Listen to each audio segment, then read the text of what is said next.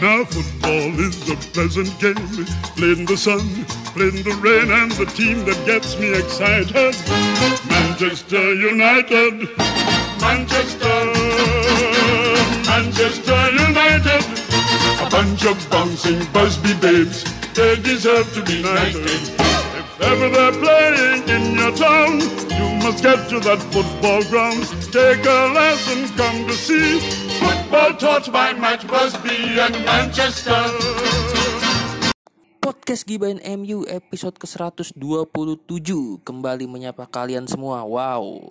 Apa kabar kalian semua? Gue berharap kalian semua yang lagi dengerin ini Baik saat pagi, siang, sore ataupun malam hari. Dan di mana pun kalian berada Semoga dalam keadaan sehat walafiat. Wah gue, gue udah lama banget nih Baru tag podcast lagi.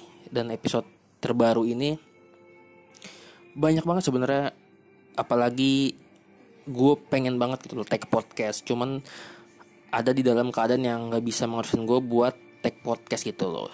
Sampai rumah ngantuk tidur seperti itu aktivitasnya aktivitas lagi gitu. Jadi baru kali ini dapat kesempatan di tahun baru 2023 buat tag podcast episode terbaru di episode 127 ini dan yang pengen gue bahas sedikit di episode kali ini tentu aja pertandingan terakhir kemarin soal MU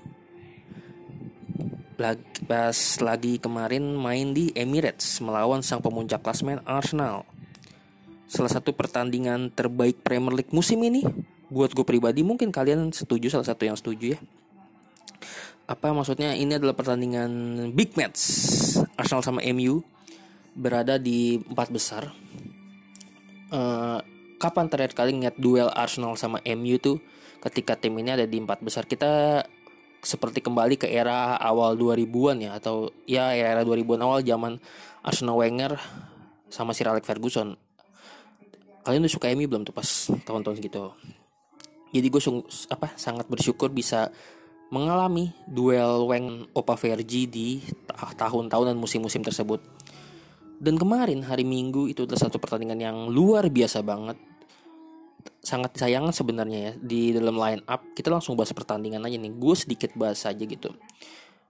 Tanpa Casemiro yang dapat akumulasi kartu kuning di laga sebelumnya lawan Crystal Palace. Jadi tanpa Kase United bertandang ke Emirates. Dan hasil akhir MU kalah 3-2 dari Arsenal. Tapi yang pengen gue highlight di sini pengen gue bahas di sini adalah kenapa gua atau mungkin kalian yang ngerasain juga kenapa kekalahan dari Arsenal ini terasa biasa aja gitu? Dalam artian gini loh dibanding match sebelumnya lawan Crystal Palace gitu yang berakhir imbang satu-satu itu kemasukan di menit terakhir itu kayaknya kesel banget. Gondok banget karena lu bangun pagi-pagi itu match jam 3 jam 3 pagi ya kan? Terus kemenangan yang di depan mata harusnya killing the game justru kebobolan lewat free kick saat itu yang di 90 dan itu menghentikan rentetan kemenangan beruntunnya Manchester United ya. Dan kemarin hari Minggu tuh pas lawan Arsenal memang kalah. Cuman apa ya tidak sekesal pas lawan Palace kalah tapi justru tidak kesal. Kenapa? Mungkin karena kita mengakui Arsenal mainnya luar biasa, bagus banget. Jujur ya gue, ini adalah Arsenal terbaik yang mungkin gue tonton secara full gitu loh gue jarang banget nonton Arsenal ya karena gue bukan fans mereka juga gitu. Cuman ini adalah pertandingan terbaik apa ya enak banget ngeliat Arsenal main loh. Dan gue cukup terhibur dengan pertandingan kali ini bagaimana MU tanpa Casemiro memang cukup keteteran di lini tengah terutama di babak kedua ya. Bagaimana ketika skor 2 sama itu uh, tinggal nunggu Arsenal bikin gol ketiga aja sebenarnya gitu. Karena dibombardir dibombardir habis-habisan oleh Arsenal gitu. Dan akhirnya memang kejadian di menit 90 kemasukan kalah 3-2 Arsenal tetap memimpin klasmen berjarak sekitar 5 poin ya. Iya 5 poin dari City. Dan ya mungkin dua City adalah salah satunya klub yang bisa akan mengimbing Arsenal ya sampai akhir musim gitu dan mungkin bisa jadi juga ini musim ini bisa jadi Arsenal bisa jadi juara Premier League gitu dengan permainan seperti ini sangat wajar. Gue pun sangat terhibur dengan permainan yang ditampilkan Arsenal. Begitupun juga MU ya. MU juga tampil luar biasa gitu meskipun tanpa Casemiro tim ini bisa mengontrol pertandingan di babak pertama terutama bagaimana MU berusaha mendelay pertandingan agar apa ya intens pertandingannya tuh nggak ini loh. Jadi lu lihat babak pertama itu MU kayak menilai bola berusaha nge-build up sih dari belakang sebenarnya tapi dari De Gea De Gea belum bisa ya membuild up sebuah serangan dari belakang gitu. Itu mungkin musim depan apakah Ten Hag akan ngincar kiper yang bisa build up dari belakang gue nggak tahu juga gitu. Cuman memang itu kan dicoba gitu loh. Dan MU bisa ngontrol pertandingan di babak pertama terutama. Bagaimana mereka main lebih tenang lebih sabar gitu loh untuk apa ya supaya Arsenal keluar menyerang gitu loh. Memang Arsenal luar biasa apalagi di menit-menit awal pertandingan pertama itu Arsenal luar biasa banget. Hampir kebobolan malah menit-menit kedua itu hampir kebobolan. Justru MU unggul duluan loh Rashford sebelum Nketiah nyamain kedudukan ya kan. Rashford itu menit 17, Nketiah itu menit 23 atau 24 kalau nggak satu sama. Babak pertama gitu loh. Terus di babak kedua Bukayo Saka bikin gol, gol yang luar biasa itu gue cukup salut sama gol keren banget. Saka ini adalah apa ya yang kita harapkan sebenarnya pada Anthony gitu loh. Ya Saka itu luar biasa punya visi cepat melihat oke dan kita berharap itu ada di Anthony gitu. Karena posisinya hampir sama kan sama Anthony. Cuman ya Anthony kemarin di Emirates seperti kehilangan tajinya ya. Dan banyak dibu berkali-kali sama fans Arsenal. Gue juga nggak tahu itu dibunya kenapa.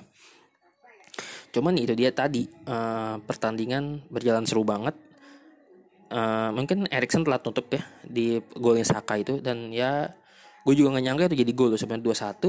Gue pikir wah bahaya nih. Ternyata MU bikin gol balasan lewat Lisandro Martinez.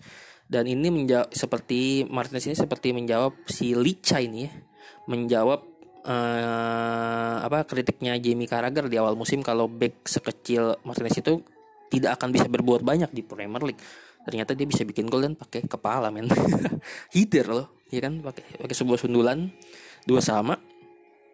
Dan gue pikir nih ya uh, ketika skor dua sama Erik Ten Hag ini bakal nurunin apa namanya mm, pemain cepat lagi ya. Karena gue lihat memang si Weghorst ini memang tidak berkembang ya dari babak pertama meskipun dia punya intercept loh. Dia cukup rajinnya turun ke belakang bahkan dia punya gue baca statistiknya tuh intercept sampai empat kali punya empat intercept.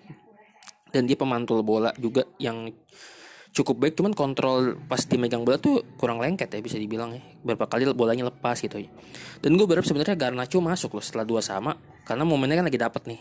Ternyata enggak gitu justru dari Tenak justru narik si Anthony. Gue pikir tadi mainin Garnacho nih. Kalau Anthony tarik ternyata masukin Fred gitu artinya main 4-2-2-2 gitu loh dengan Wakehorse sama Faraspot di depan. Ntar di tengah Fernandes sama Erikson dan di belakangnya Fred McTom dan khusus McTominay di pertandingan kali ini parah banget sih dia main. Parah banget. Ya gue juga sadar diri loh apa yang bisa kita harapkan dari Scott McTominay loh. Ya kan dari duet Fred McTominay gitu loh. Terutama McTominay Fred pun beberapa kali memang sempat bagus. Bahkan musim ini sempat bikin gol. McTominay pun juga sama sempat bikin gol di League Cup ya di Carabao Cup.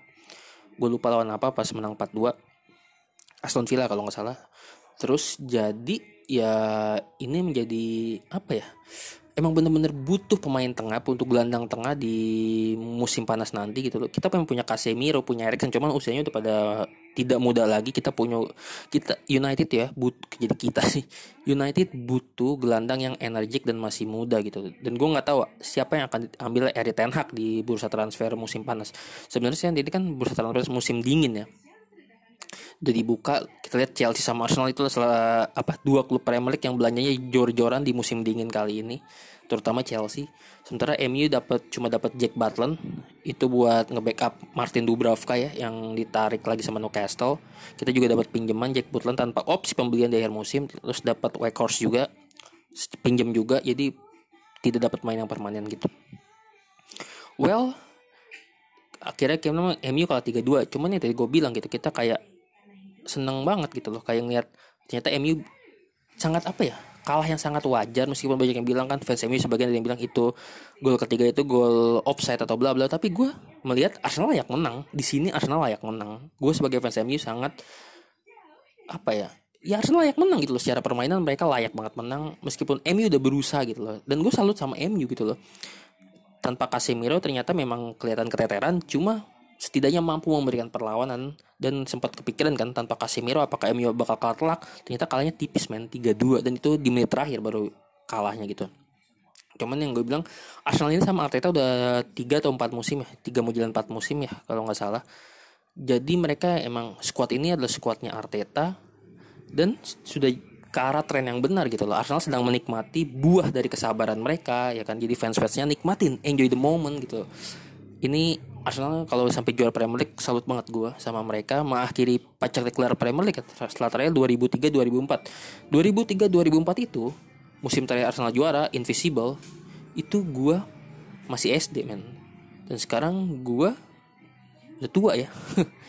Jadi gue juga sangat senang kalau Arsenal sampai juara Premier League gitu. Dan semoga MU juga bisa di musim depan. Karena untuk musim ini gue lihat sebagai title contender MU tidak tidak mampu ya bukan tidak mampu ya. Terlalu riskan kalau lo berekspektasi berekspektasi MU bakal jadi title contender. Cuma untuk masuk empat besar wajib kayaknya musim ini gitu. Dan minimal musim ini kan ya musim pertamanya Ten Hag lo lihat progresnya Ten Hag kan di 6 7 bulan 6 bulan ini gitu loh. Lo lihat MU sempat berstrik tidak kalah dan bahkan baru kalah 4 atau 5 kali di Premier League musim ini. Dari kalah dari Arsenal, kalah dari City, Brentford, Brighton, ya kan.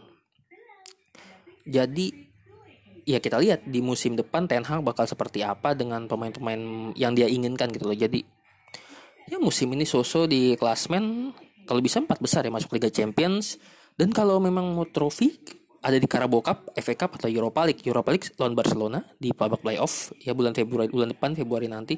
FA Cup lawan Reading hari Minggu nanti minggu depan dan di midweek ini lawan Nottingham Forest di semifinal leg pertama League Cup. Jujur emang kalau musim pertama tuh agak riskan ya, tapi gue berharap MU dapat trofi musim ini. Entah apa pun itu. Entah League Cup, entah FA Cup atau Europa League gitu. Untuk Premier League yang agak berat ya. tapi tiga dari salah satu MU masih ada di empat kompetisi loh. Jadi tiga yang trofi yang berpeluang diraih itu gue rasa satunya harus kita raih sih entah apa pun itu karena untuk mengakhiri pacak gelar juara gitu. Ini MU terakhir juara kan setelah dapat trofi itu 2017 ya Europa League di Stockholm pas menang lawan Ajax di final. Setelah itu puasa gelar dan udah mau masuk enam tahun tanpa gelar juara gitu. Jadi artinya ini maksud gue di Carabao Cup ini udah dekat di semifinal. Nanggung banget gitu loh. Lawannya pun Forest.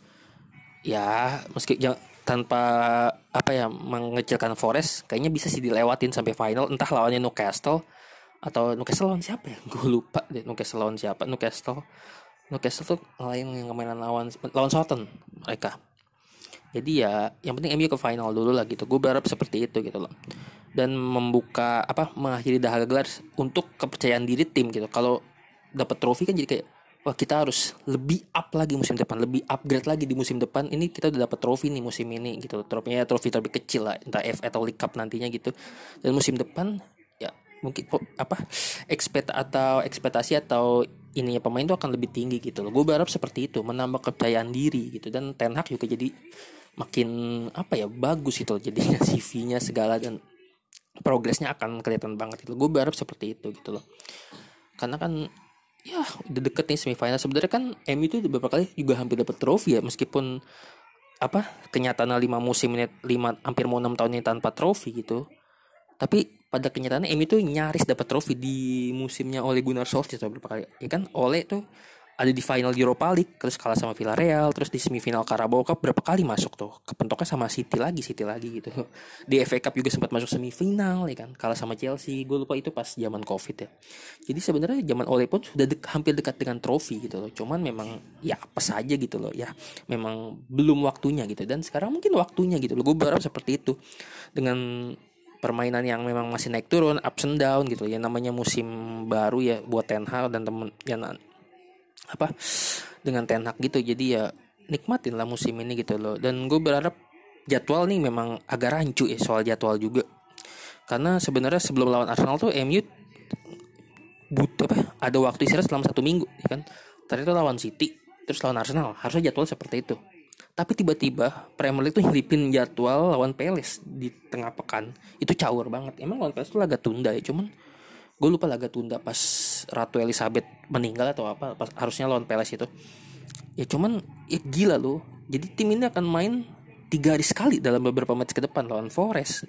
Terus ketemu siapa lagi? Reading terus lawan Forest lagi di League Cup. Wah jadi gue berharap pemain sehat-sehat. Dan Casemiro akan balik lagi. Pemain yang cedera pun ada Dalo. Dalo gue berharap juga bisa cepat sembuh karena Wan Bisaka cukup bagus nih dalam beberapa match terakhir dimainin Tenak setelah dia tidak dapat tempat ya. Cuman kalau lihat dilihat lagi kemarin lagi lawan Arsenal tuh Wan Bisaka tackle-tackle cukup bagus ya. Apalagi pas lawan Peles tuh di menit terakhir dia nge nekelnya Wilfred Zaha. Tapi kemarin pas gol Enketia yang pertama tuh Wan Bisaka kelihatan bengong. Harusnya dia marking si Enketia, ternyata dia gue pikir bakal jagain ngeganggu Enketia lo buat nyundul ternyata dia cuma nontonin doang gitu ya berharap Dalo cepat sembuh juga gitu loh ya udah gitu kali ya teman-teman di episode kali ini nikmatin progres Ten Hag yang lagi sebenarnya positif banget ini. Uh, apalagi Rashford lagi cukup moncer meskipun si Rashford ini semoncer-moncer Rashford tetap dia egois ya. Kelihatan banget egois. Apalagi pas lawan Palace tuh kelihatan banget dia egois banget.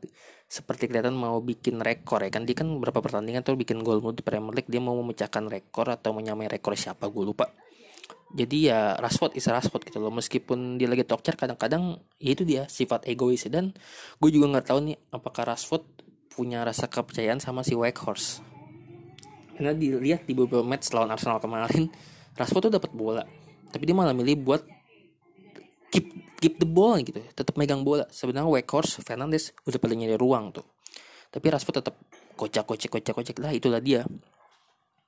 Ya gue berharap pertandingan lawan Forest kita bisa menangin ya di leg pertama ya di kandang Forest supaya di Old Trafford nanti lebih ringan gitu loh. Karena jadwal padat harus rotasi pemain juga kan mau nggak mau gitu loh. Kalau ini karena berat banget jadwalnya. Wah gila lo lihat di jadwal cek di internet MU bakal berapa main tiga hari sekali atau empat tiga empat hari sekali lah main gitu loh. Jadi bisa dibayangkan ya bagaimana kita ya akan senang sih bakal nonton MU terus. Cuman kasihan juga pemain sebenarnya.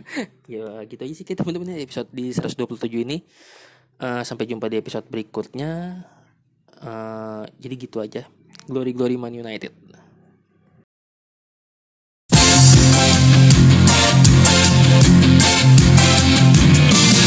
Setiap saat bayang